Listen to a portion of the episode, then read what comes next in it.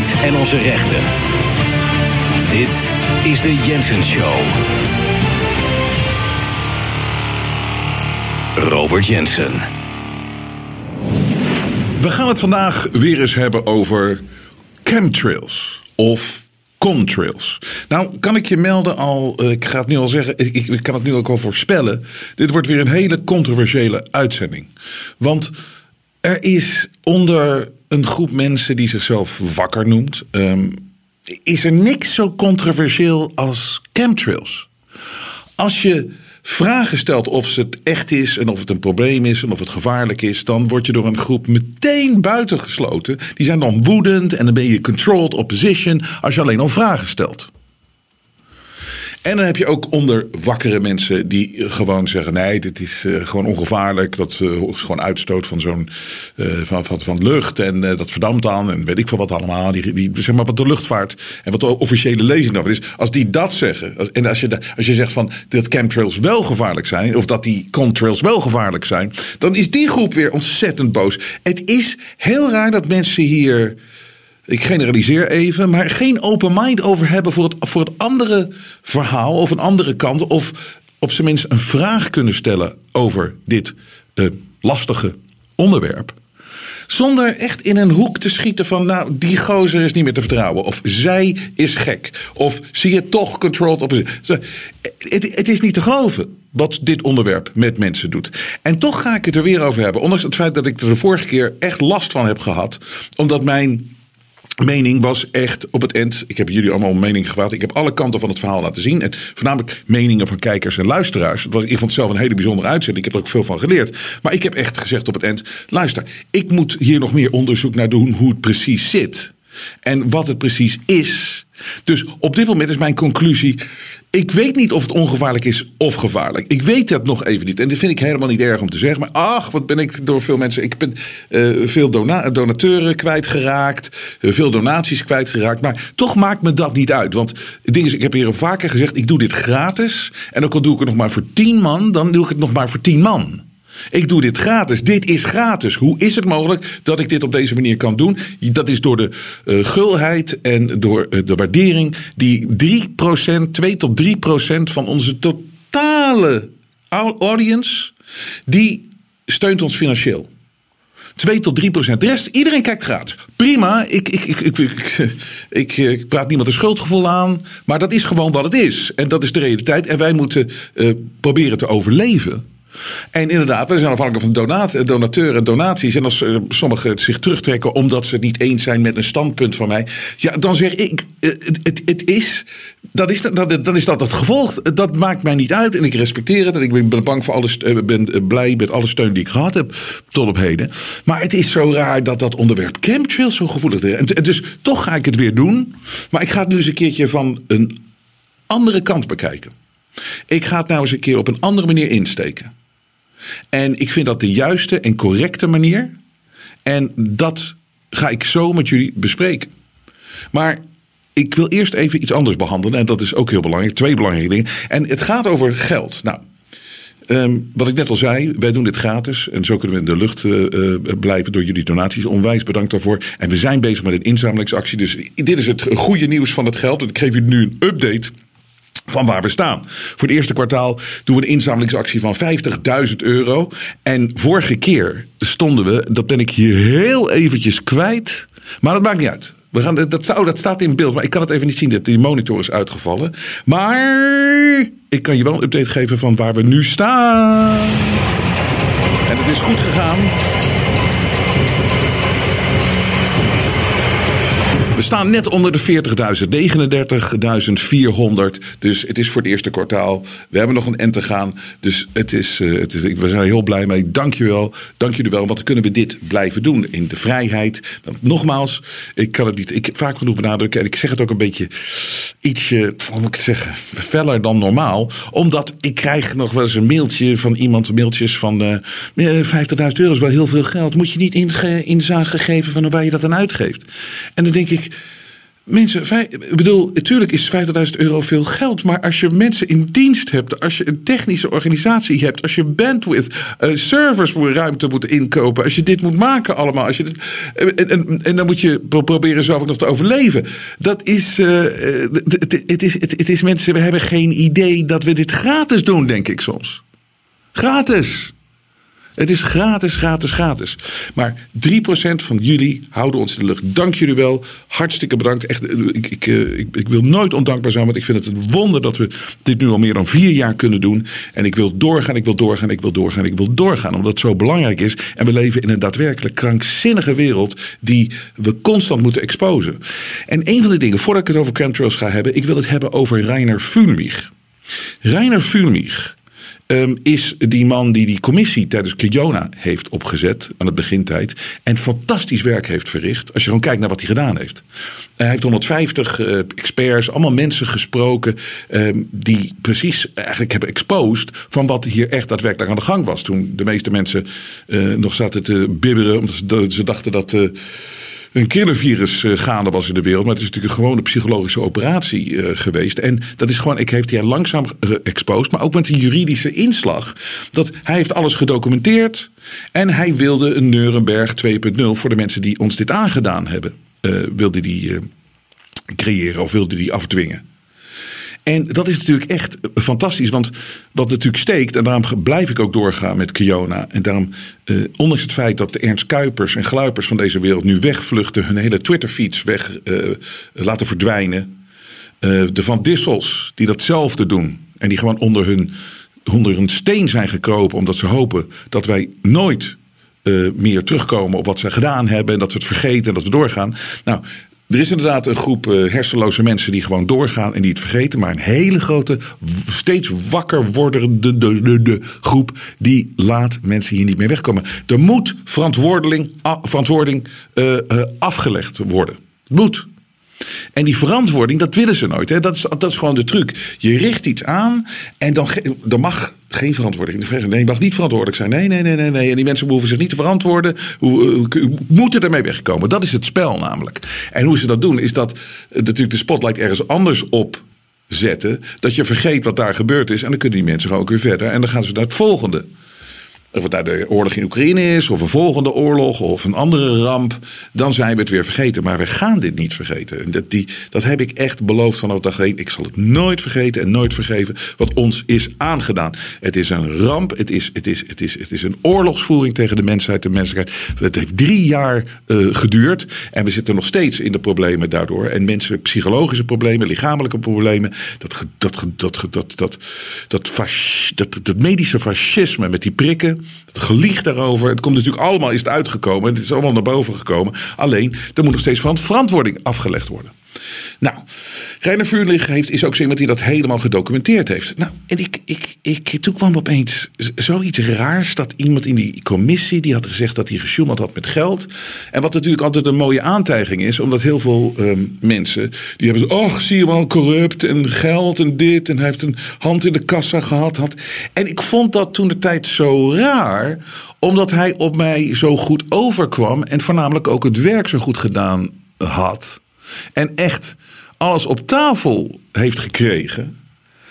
En toen dacht ik van ja, en, maar hij kiest natuurlijk die, die aanval, die juridische aanval. En dat is natuurlijk een gevaar voor hè, de mensen die dit aangericht hebben. En die, ja, dus die, ik denk hij zal op alle manieren tegengewerkt worden. Dus zo'n eerste aantijging van geld, ja, het zou kunnen dat die man dus toch corrupt was. Maar dan begrijp ik niet waarom hij het op die manier doet. Maar goed, het zou kunnen. Maar ik vond het zo'n vaag verhaal. Ik vond het zo'n raar verhaal. Ik vond die vrouw, die zag er ook uit alsof ze uit eh, 1632 kwam met dat kapsel, weet je wel. zo'n rare vrouw die dan opeens draait en zich tegen hem keert. En toen kwam natuurlijk opeens het nieuws dat Reiner in eh, Mexico was. En dat hij zijn paspoort moest eh, vernieuwen, want het was gestolen in Mexico. Dus hij ging naar de ambassade in Duitsland. Hij is in Duitsland opgepakt. In de, in de ambassade. Ze hebben hem op een vlucht gezet. En eh, hij, ze hebben hem in de gevangenis gegooid. En ik vind echt, als je, als je ziet, als je kijkt naar hoeveel criminelen eh, gewoon opgepakt worden en twee dagen vastzitten en dan weer uh, vrijgelaten worden voor, voor heftige vergrijpen. Is dit natuurlijk van, als binnen een organisatie, als je iets met geld gesjoemeld zou hebben, ja, dan word je even gearresteerd misschien en dan word je ondervraagd en dan kan je met je advocaat en dan word je naar huis gestuurd en dan kunnen ze een, een, een procedure tegen je beginnen, lijkt me. En je zit niet maandenlang vast in de gevangenis. Is, ik gooide gewoon vorige maand volgens het volgens mij een, even een, een, een tweet eruit op het voormalige ex. Ik weet dat het omgekeerd is, maar ik vind het leuker om het zo te zeggen.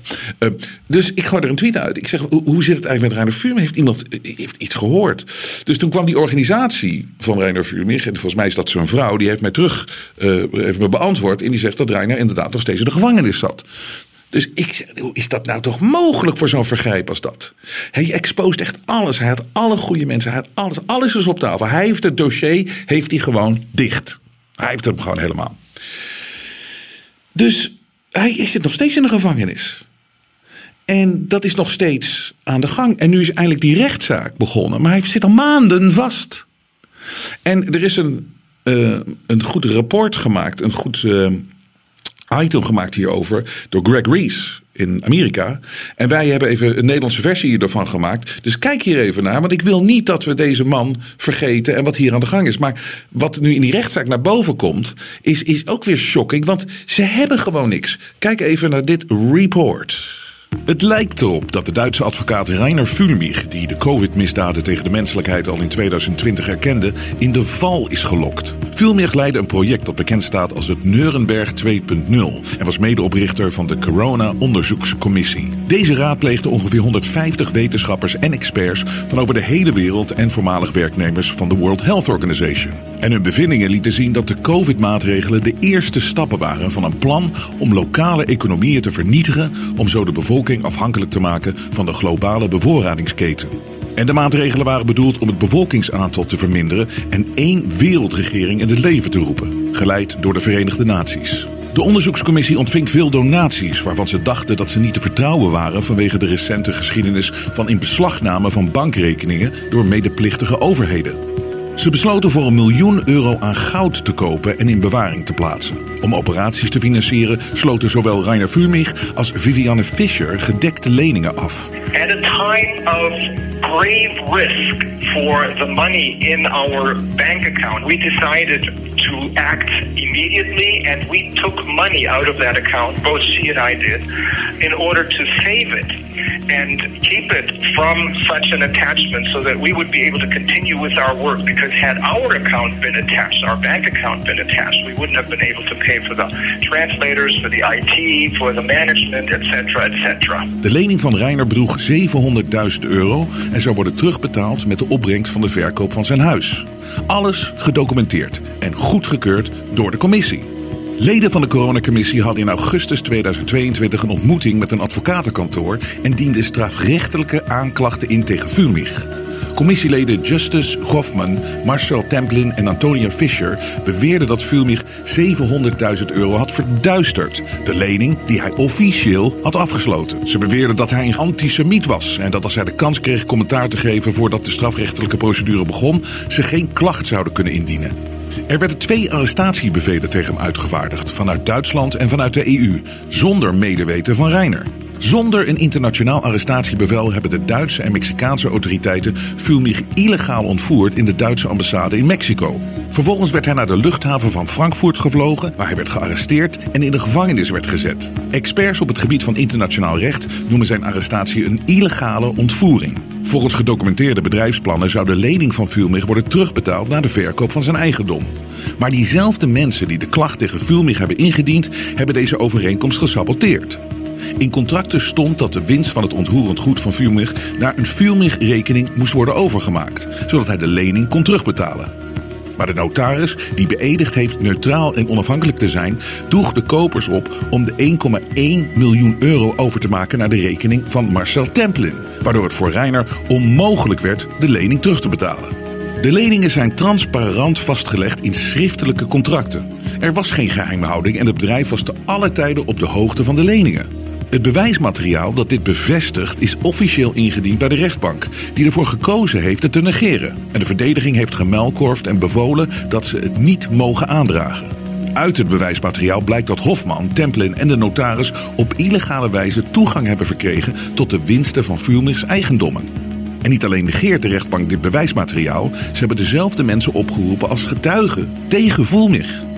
Vulmich heeft zichzelf ook aansprakelijk gesteld voor vervolging wegens verduistering door de goudstaven te kopen zonder de toestemming van de aandeelhouders, het bestaan ervan te verdoezelen en ze voor zichzelf te bezitten. Maar ook de aankoop van de goudstaven wordt gedocumenteerd. Ze bevinden zich in de holding en zijn alleen toegankelijk met de handtekeningen van zowel Rainer Fulmich als Viviane Fischer. Dit blijkt uit bedrijfsdocumenten die nooit aan de officier van justitie zijn verstrekt. Maar ze zijn ingediend door de verdediging en worden door de rechtbank genegeerd. Bovendien heeft de rechtbank, hoewel de rekeningen van Fulmich zijn bevroren, de 1,1 miljoen euro op de rekening van Marcel Templin niet bevroren.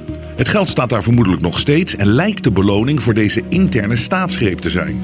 Het proces vindt nu plaats in Göttingen, Duitsland. En de slordige beschuldigingen van de aanklager beginnen uiteen te vallen. Een verslaggever tijdens het proces zei: De zaak was totaal verwoest en je kon er alleen maar verbaasd bij zitten. Een journalist van Bitte TV zei: Reiner zal niet alleen worden vrijgelaten, maar ook worden gecompenseerd. De mensen die hem dit hebben aangedaan, zullen naar mijn mening zelf worden aangeklaagd. Het begint erop te lijken dat er eindelijk gerechtigheid zal geschieden. Ja, het begint erop te lijken. Maar zoals we vaker gezien hebben tegenwoordig, we leven in een omgekeerde waarheidswereld. De waarheid is, wordt gepresenteerd als een leugen, de leugen wordt gepresenteerd als de waarheid. Hoe vaak zien we dat niet? We zien het dag in, dag uit. We worden in de maling genomen op alle niveaus. Dus laten we hopen en bidden voor uh, Reiner dat dit uh, zo uitpakt. Want nu hebben we dus meer informatie. Daarom kon ik niet, ook niet eerder zeggen van... oké, Reiner is onschuldig of hij is schuldig. Ik, laten we dat nou eens afwachten. Soms moet je even afwachten. Dat geldt voor alle onderwerpen altijd. Nooit meteen reageren. Je kan een gevoel erbij hebben. Maar oké, nu is het zover. En nu blijkt dus uit die rechtszaak... allemaal hele maffe rare dingen die gewoon niet logisch zijn. Dus hoop kunnen we altijd hebben dat. Um, hij hier goed mee wegkomt en dat hij dan weer kan doorgaan met zijn werk. Maar in een wereld waar Julian Assange nog steeds vastzit. En een wereld waar David Icke uh, de EU en heel veel andere landen niet meer in mag om een doldwaze reden. Uh, ja, er zijn daar nog meer voorbeelden natuurlijk. Edward Snowden die in Rusland moet onderduiken. Omdat hij allemaal aantoont van hoe corrupt. Uh, gewoon corruptie en dingen die niet kloppen. Maar dan ben je natuurlijk een vijand. Dus laten we kijken en we blijven hierop. Daarom heb ik dit, uh, wilde ik dit eventjes weer onder de aandacht brengen. Het is zo belangrijk dat we dit blijven volgen. Nou, nu op ons allerfavoriete onderwerp, de chemtrails. Here we go. Even bijvoorbeeld aan te tonen hoe controversieel het is, dag Robert. Je gaat het weer hebben over de streep in de lucht. Ben benieuwd. De artikelen over dit onderwerp in gezond verstand vanaf nummer 46 zijn van mijn hand. En hebben net als bij jou nogal wat abonnees van gezond verstand ge, uh, gekost. Op allerlei complotsites is daarna mijn naam behoorlijk door het slijk gehaald. Ik zelf heb een hele werkzame leven, 46 jaar, in de techniek van de grote burgerluchtvaart gewerkt, KLM. En durf wel te stellen dat ik aardig weet hoe vliegtuigen in elkaar zitten en functioneren. En hoe de luchtvaart werkt. Dus ik ben heel benieuwd naar je conclusies. Goed Albert van de Ven.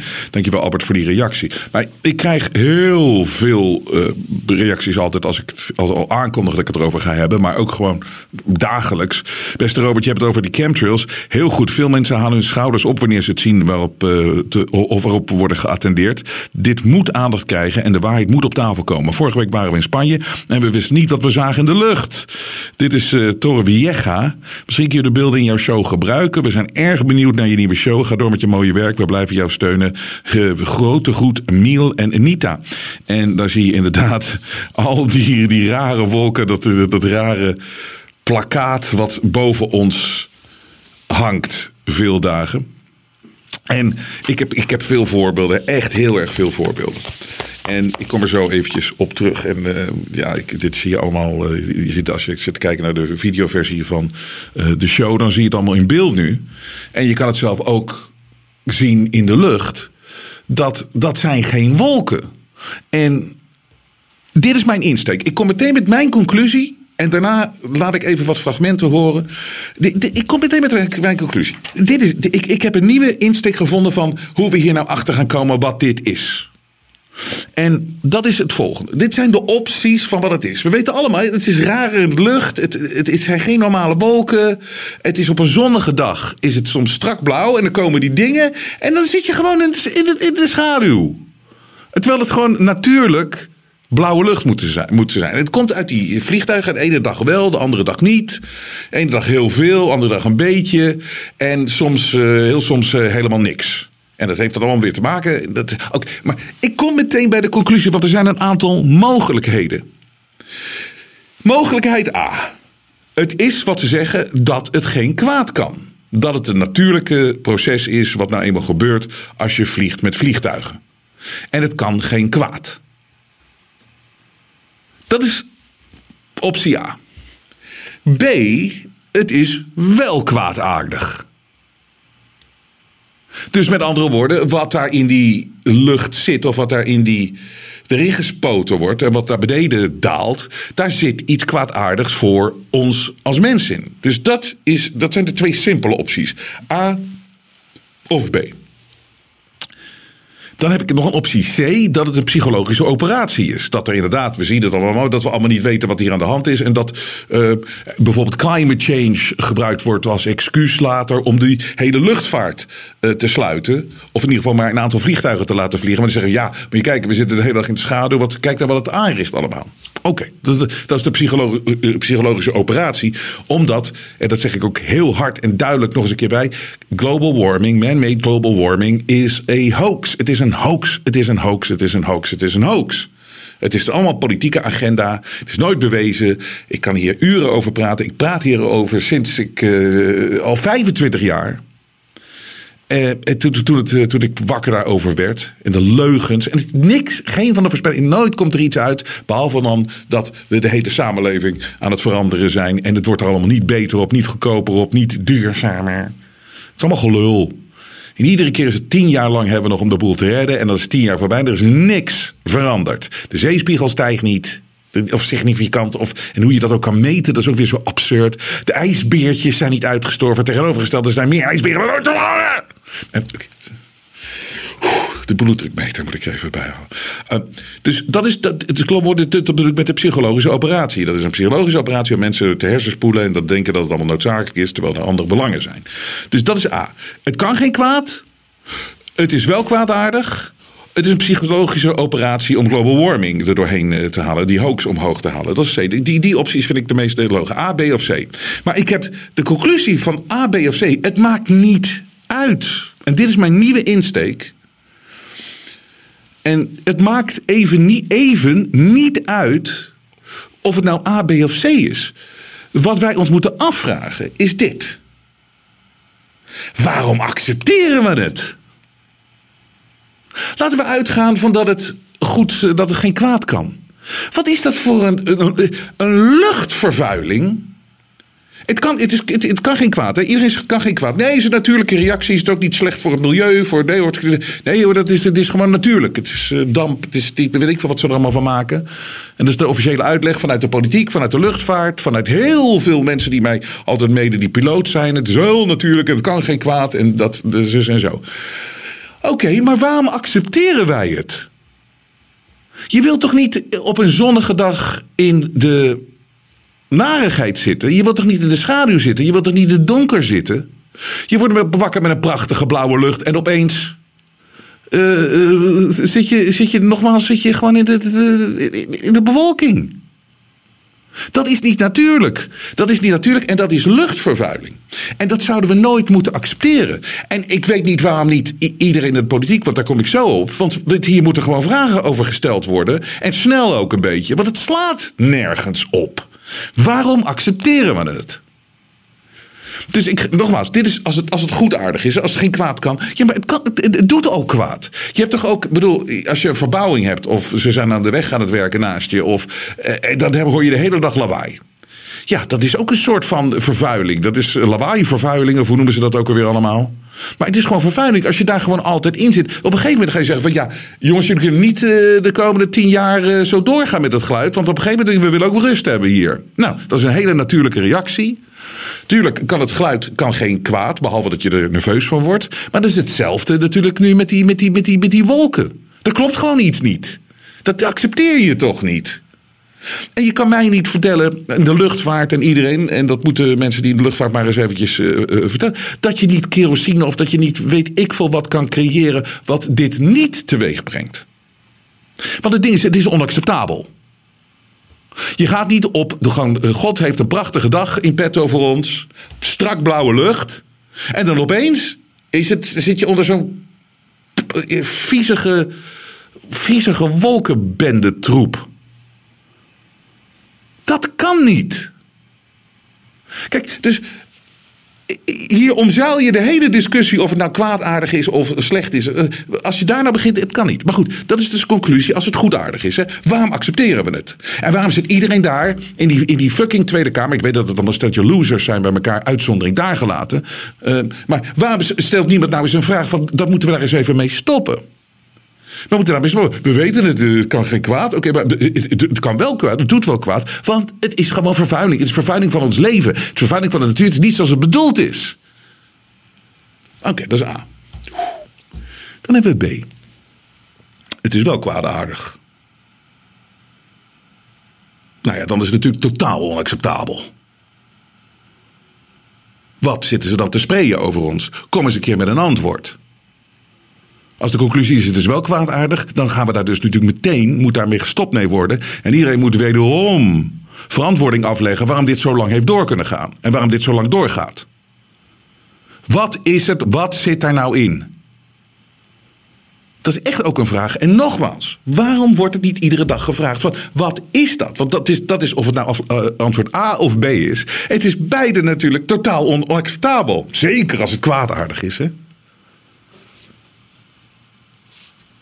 En de, eh, de, de optie C, uh, het is een psychologische operatie vanwege global warming. Dat is de mooiste uitvlucht voor die mensen, of het nou uh, goed of kwaad is.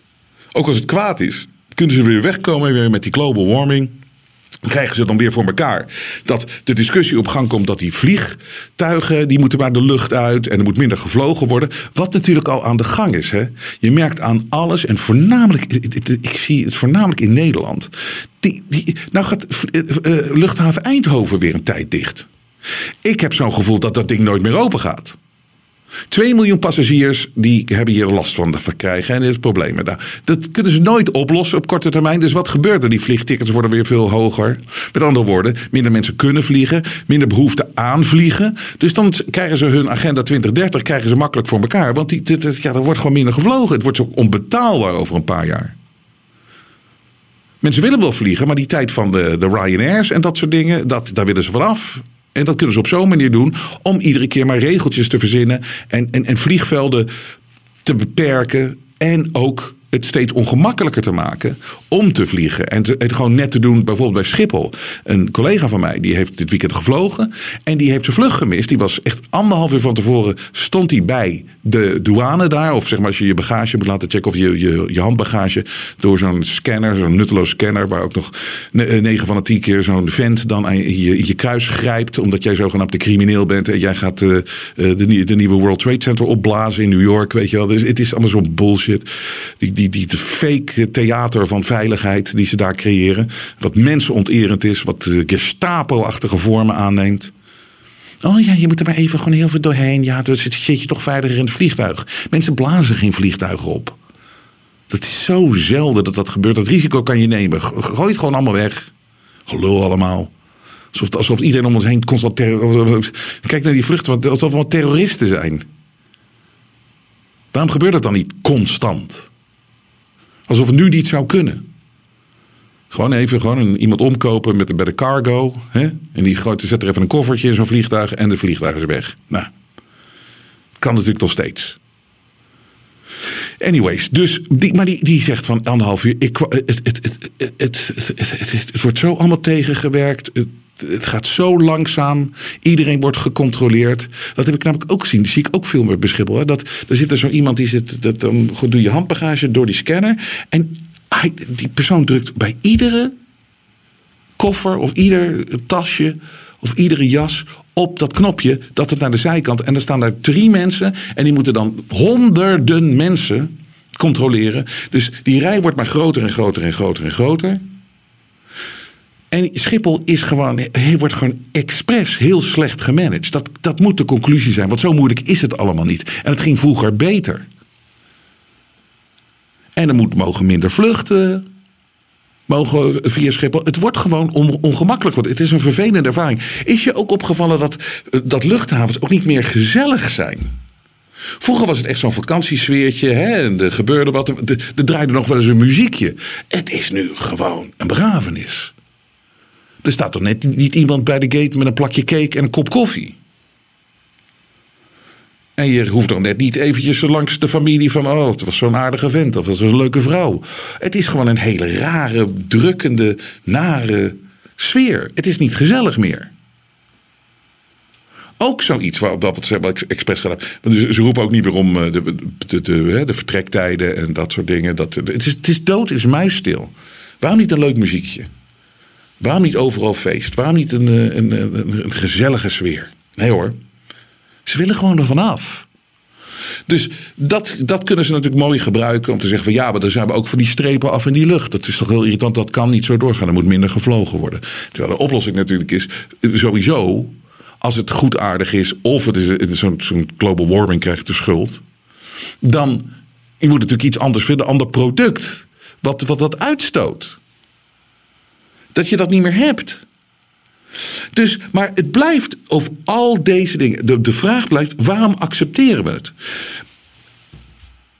We kennen de argumentatie wel dat het goed is, hè, dat het geen kwaad kan. Laat ik een aantal dingetjes even aan jullie horen. Dit is een van de eh, moeilijkst vindbare stukjes op internet. Heel moeilijk te vinden. Is uit 2006. Verenigde Naties. Daar wordt Dr. Rosalind Peterson, zij is de president en co-founder of the Agriculture Defense Coalition uitgenodigd. Zij is een expert. In 2006 sloeg zij alarm over wat hier daadwerkelijk aan de hand is met die chemtrails. Het, het is 20 minuten, ik kan het niet uitzenden helemaal. We zetten het op de site jensen.nl, je het zelf kijken. Maar twee clipjes. Hier legt ze even uit wat hier nou daadwerkelijk aan de hand is daar boven ons. A lot of times we're talking about mitigation for climate change. It's rather an undefined term at this period of time. And so what happens is that many times we're talking about artificially putting chemicals like sulfur or particulates into the atmosphere in what they call geoengineering schemes to reduce um, and, and help the planet, supposedly, but help the planet to not go through such a tremendous global climate change and to mitigate global warming. However, the incidence of putting chemicals into our atmosphere is going to change and impact agricultural crop production. And if you take and you put up into our skies chemicals to reduce the amount of sunlight reaching the earth, you are going to begin to reduce crop production. Studies at the University of Illinois on corn crop production show reductions. Ja, Dus dit is dus om de agrarische sector weer tegen te werken en te beïnvloeden. Nou, dit is bijna twintig jaar geleden hè, dat ze daar zat. En ze zegt dus dat het is gewoon, ze, ze spuiten gewoon daarmee eh, chemicaliën in. Zij is een expert hierin. En kijk naar het hele filmpje. Zoek haar op. Dit riep zij dus al in 2006. Met andere woorden, dit is een combinatie van de twee. Het is kwaadaardig. En het is ook nog eens een keer die saai op van die global warming. Want het is zogenaamd wordt global warming eh, weer erbij gehaald. Maar wat, het, wat, wat, wat, wat de waarheid is, is om die agrarische sector te verpesten. Nou, heb je gezien hoeveel mensen uit de agrarische sector eh, dag in dag uit aan het protesteren zijn? Omdat ze weten dat ze gewoon opgerold worden en dat er iets niet klopt. En dat ze gewoon weg moeten en dat er andere plannen zijn. En dat uh, de, de, de hele voedselketen waar we nu afhankelijk van gaan worden, dat die compleet ontregeld is. 2006. En dit zei zij ook, wat fascinerend is. NASA talks about persistent jet contrails as exacerbating global warming because they trap warmth in the atmosphere when they produce cirrus and man-made clouds. NASA also talks about that when we that these aircraft leaving persistent contrails are changing our climate. And when they change our climate to the degree that one jet can leave a persistent jet contrail which will spread across our skies from what this picture up here on my left on the screen looks like, which is a trail left by a jet. That trail can expand to 4,000 kilometers and last for 20 hours. This was unheard of in the early 60s and the 70s, and it wasn't until the late 1980s that there was a change and we started to have persistent jet contrails that persist. NASA studies show that part of our global warming problem could be attributed to these types of contrails and the jets that leave them. Ja, zie je dus de NASA die zegt, uh, ja, dit creëert dus global warming. Want de warmte wordt uh, beneden gehouden en, uh, bla bla bla bla bla. Dus dit is weer een psychologische operatie, want er is geen global warming. En, maar nogmaals, hier is weer het verhaal. Verzin, als dit, in de jaren tachtig dus een, een, probleem is, waarom is er niet iets anders verzonnen? Weet je zeker dat we niet iets kunnen verzinnen wat die strepen niet achterlaat in de lucht? Natuurlijk. Onze fantastische wetenschap, wat die is er natuurlijk. Maar ze willen het gewoon niet. Maar er worden geen vragen over gesteld. Maar het is wel allemaal mainstream aan het worden, hè, dit, dit geheel. Want zelfs uh, een NOS Nieuwsuur. Twee mogelijke manieren om het klimaat te beïnvloeden. Een mogelijke methode is het opspuiten van zeewater, waardoor wolken witter worden en meer zonlicht reflecteren. Een andere optie is dat vliegtuigen zonwerende stofdeeltjes in de lucht dumpen zonwerende stofdeeltjes in de lucht dumpen. Maar dat is dus wat in 2006 daar al bij de VN besproken is. En probeer dat filmpje maar eens te vinden. Het is heel erg lastig. Solar Geoengineering. Why Bill Gates? Bill Gates weer. Nou, die heeft het ware gezicht natuurlijk laten zien tijdens de corona-periode. Die heeft niks goeds voor met de mensheid. Maar die, uh, dus Bill Gates is helemaal in de geo-engineering. en dat is ook weer zo mooi. The Earth is warming rapidly as a result of human-caused emissions. So what should humanity do about it? Nou, dus Bill Gates, die heeft dus een heel uh, systeem en wat hij wil doen. Hij, het is allemaal te maken met het, met het, met het blokken het, van de zon, van zonlicht. En dat klopt, dat zie je dus daadwerkelijk echt gebeuren. Als je op een mooie dag en het is blauw, uh, blauwe lucht en opeens gaat het er niet doorheen. De zon komt er niet doorheen. Maar dat is dan zogenaamd. Wordt het daardoor warmer omdat de zon niet binnenkomt? Moet je naar de logica van deze idioten. Maar dit is dus ook weer kwaadaardig. Dit moet helemaal niet met ons gebeuren. En dat moet niet gemanipuleerd worden zo met die wolken en met het, met, met het klimaat. Zij zijn degene die schade aanrichten aan het klimaat. Maar goed, daarom, we leven in een omgekeerde waarheidswereld. Het is, het is, dit is gewoon wat het is. Hier, zelfs Renier van den Berg, zo'n imbeciel van, uh, van zo'n weerman. En hier nog een beeld. In zuidwestelijke richting vanuit Wageningen. Zonder luchtvaart was de lucht strak blauw geweest. Uitzonderlijk veel sporen. Hoeveel procent door vakantievluchten wordt veroorzaakt? Geen flauw idee. Maar de luchtvaart is behoorlijk aanwezig Dus geen vragen stellen van waarom is dit, uh, waar, waar, waarom kan er niet iets verzonnen worden dat je deze, uh, deze straling, dit, dit, deze uitstoot niet hebt, deze luchtvervuiling. Want ik zeg, hij gaat er, hij denkt dat global warming is. Hè, dat, oh hij maakt het punt, veel te veel vakantievluchten, toerisme, weet je, die, die, die praat mooi mee in de lijn van er moet minder gevlogen worden. En dan zijn we er vanaf. Wat natuurlijk ook een beetje een raar is. Kijk, als het kwaadaardig is, als het slecht is. En ze hebben daar kwade bedoeling mee. En als Bill Gates erin zit, dan weet je gewoon dat het natuurlijk zo is. Als er dan niet meer gevlogen wordt, hoe gaan ze het dan doen? Maar goed, ik denk dat ze dan wel weer iets nieuws verzonnen hebben. Hoe, uh, wat, ze, wat, wat ze voor elkaar kunnen krijgen. Maar kijk nou naar zo'n lucht. Dit is dus pas sinds de eind jaren tachtig gebeurt dit. Daarom is het zo moeilijk uh, te herinneren van hoe was het vroeger eigenlijk. En er zijn ook generaties die kennen alleen nog maar deze lucht. Zag jij ook al die vliegsporen in de lucht? Dat zit zo. Nou, heb je zo gezien? Bizar veel vliegtuigstrepen in de lucht. Vliegtuigstrepen. Um, geen reden tot paniek, wordt hier gezegd. Geen reden tot paniek. En dus als je dat zo bekijkt, Tuurlijk kunnen we met z'n allen weer lekker ruzie gaan maken. En je begrijpt dit niet, je begrijpt dit niet. En je hebt geen idee hoeveel fake nieuws ik altijd doorheen moet gaan als het over chemtrails gaat. Hè, voor de mensen die hier zo fanatiek op zijn. Zie ik weer Merkel staan in dat vliegtuig. Dat is niet. Of die knop met die chemtrail. Dat die aangaat bij de piloot. Dat is allemaal gelul. Moeten we allemaal weer onderzoeken wat nou echt is. En wat nou wat, wat, wat, wat fake nieuws is. Nou, ik ga, ik ga er niet meer op in. Maar iedereen is hier altijd zo agressief over. En ik, zo, ik word agressief over. Maar het maakt niet uit. Dat is mijn punt. Laten we nou ons elkaar niet tegen elkaar uitspelen. Maar laten we nou dit eens gaan doen. Dit is de verandering die dient plaats te vinden. Wij moeten dit niet accepteren. Gewoon niet accepteren. En niet meteen. Laten we nou eens niet beginnen met dat we doodgespoten worden, dat we vergiftigd worden en iedereen krijgt kanker van die dingen die op.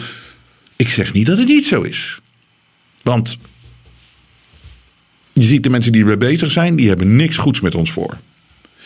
Maar het begin nou eens met het volgende. En ik roep politici. Ik, bedoel, ik, ik ga misschien ook wat belletjes doen. Maar dat hoeft niet, want ik weet dat politici zitten te kijken. Maar ik wil jullie echt eens gaan vragen. Stel daar nou eens de juiste mensen vragen over. En maak mensen hier nou eens wakker over. En hetzelfde geldt voor iedereen die hier nou zo druk mee bezig is. Schrijf uh, je politici aan. Ik weet, misschien heeft het geen zin, maar ik vind het best. Dat is een democratisch uh, iets. Dat je gewoon je volgt, al, doe je het op lokaal niveau. Eh, al doe je het lokaal. Begin daarover te praten. Zeg, het is toch niet normaal dat op een mooie blauwe, strak blauwe dag. dat we opeens die strepen zien. Moet, moet dat niet verboden worden? Wat komt er vandaan? Wat is het echte verhaal? En dat is van allerlei kanten hier mensen nou eens wakker over gaan worden. En dat er nou eens een keer een goede vraag gesteld wordt op alle niveaus. Dus lokaal, op gemeenteniveau, op landelijk niveau. Dan gaan mensen het zien. Dan gaan mensen erover praten. En dan kom je uiteindelijk kom je, of het nou A, B of C is, kom je met een conclusie. Komt gewoon naar de conclusie. Dit accepteren we niet. We accepteren niet. Dus waar beginnen we dan mee? We willen antwoorden. Antwoorden, antwoorden, antwoorden. Go for it! De media toont zijn ware gezicht. Maar Robert Jensen buigt voor niemand. Steun het echte geluid via jensen.nl en wees onderdeel van de vooruitgang.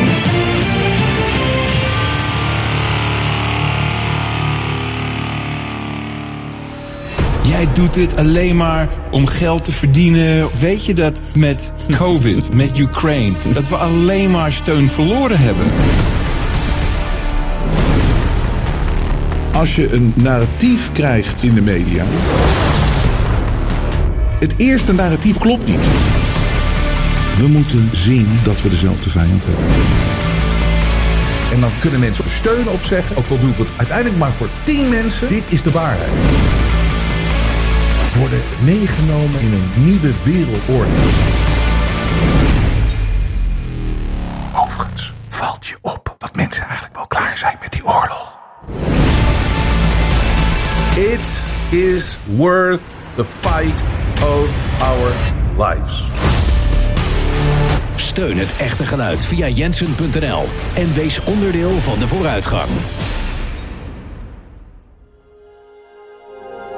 Vrije geluid laat zich niet censureren.